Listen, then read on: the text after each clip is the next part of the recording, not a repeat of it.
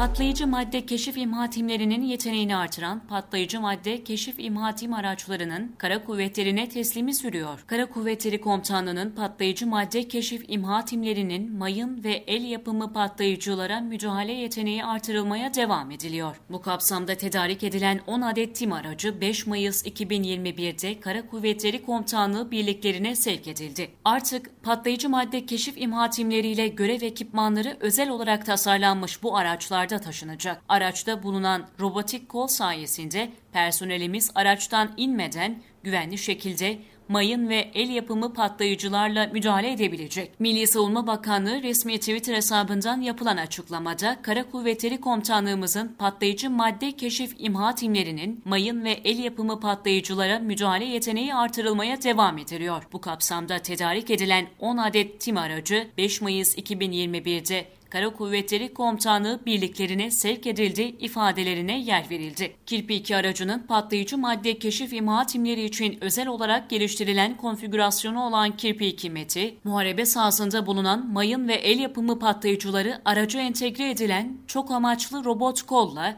insansız bir şekilde tespit ve imha etme kabiliyetiyle ön plana çıkıyor. Ayrıca Kirpi 2 Mete aracında uzaktan komutalı silah sistemi ve sinyal kesici sistem faydalı yükleri de bulunuyor. Mayına karşı korumalı araç sınıfında sağladığı üstün koruma düzeyiyle bir efsane haline gelen Kirpi'nin yeni versiyonunda bağımsız süspansiyon sistemi bulunuyor. Yüksek koruma özelliklerine ek olarak geliştirilen Kirpi 2 hem yol tutuşunda hem de yolcu konforunda sınıfının öncüsü olmaya devam ediyor. Bağımsız süspansiyonlu Kirpi 2 monokok tipte zırhlı kabin ve özel zırhlı camlar, şok emici koltuklar, silah istasyonu ve acil çıkış kapağı özelliklerinin yanı sıra özel olarak entegre edilen göreve yönelik birçok donanımı ve özel tasarlanmış patlayıcı madde, keşif ve imha robot kollu versiyonuyla ön plana çıkıyor.